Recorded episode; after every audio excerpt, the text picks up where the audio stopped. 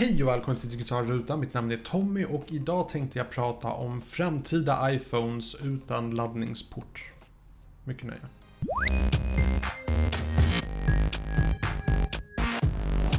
Så den senaste tiden har det gått en massa rykten när det gäller nya iPhones som släpps i september. Uh, en av ryktena som gäller en mer framtida modell, kanske nästa år eller året därpå, är att det en dag kommer släppas en mobiltelefon som saknar laddningsport. Och den kommer endast kunna laddas genom att man sätter den på en NFC-platta och laddar den trådlöst. Det blir ju fortfarande kontakt så jag... Definitionen på det där med trådlös laddning, det, det, är inte riktigt den definitionen jag är ute efter när jag tänker trådlös laddning.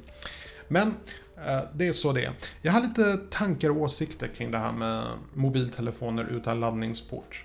Eh, min första tanke var nej, nej, nej. För att det skulle ju vara katastrofalt om man till exempel är på bussen eller tåget och bara vill koppla in den till en kabel och sätta på laddning. Då måste du plötsligt tänka på att du måste ställa den på någonting. Men faktum är att med magneter och en massa smarta lösningar så funkar det helt enkelt så att du bara sätter in den här i en slags laddningsficka. Och det skulle faktiskt vara väldigt praktiskt. Men visst, ha en liten sladd bara som man bara kan ha i fickan och kunna koppla in. Det känns ju faktiskt som en mycket mer praktisk tillämpning. Men jag är helt övertygad om att i framtiden så kommer det komma liksom utvecklade eh, laddningsplattor som man kan vika ihop och grejer och sätta på med hjälp av magneter. Jag tror att det kommer faktiskt funka alldeles utmärkt.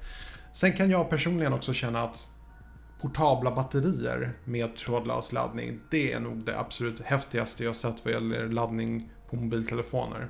Det är att du köper helt enkelt ett portabelt batteri eh, och så bara som en magnet så fästs den fast på baksidan och laddar den telefonen. Det tycker jag är det absolut bästa. På det sättet kan du fortfarande använda den medan du laddar den. Så att jag, jag tror faktiskt på den här. Jag tror att det här skulle kunna funka. Det är faktiskt en lösning som är bättre än tidigare. Det är inte så mycket som säger varför vi fortfarande ska ha kvar en laddningsport. Skippar man en laddningsport så finns det mycket fördelar vad gäller eh, vattensäkerhet och så vidare. Och du, du behöver inte bekymra dig om att du skadar laddningsporten eller liknande.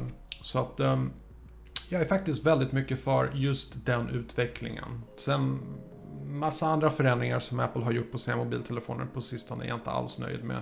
Som det här att man har ansiktsigenkänning istället för Touch ID. Det, för mig, det, jag tycker inte det är en bra sak. Men jag kommer antagligen anpassa mig och det kommer en dag kanske kännas bättre. Men som det känns just nu så är det ingenting jag ser fram emot. Att få behöva hålla på med när jag köper min nästa telefon. Men det är inte riktigt vad det här, den här videon handlar om. Utan här pratar vi om just laddningsporten som försvinner. Det skulle ju faktiskt bli en mycket mer stilren design på telefonen.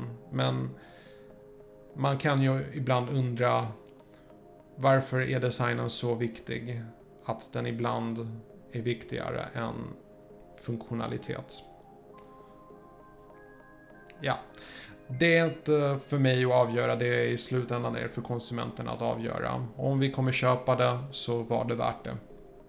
Så att eh, det var lite korta tankar jag hade om framtida iPhones utan laddningsport. Passa på att önska dig en trevlig dag. Mycket nöje. Äh, mycket nöje. På återseende.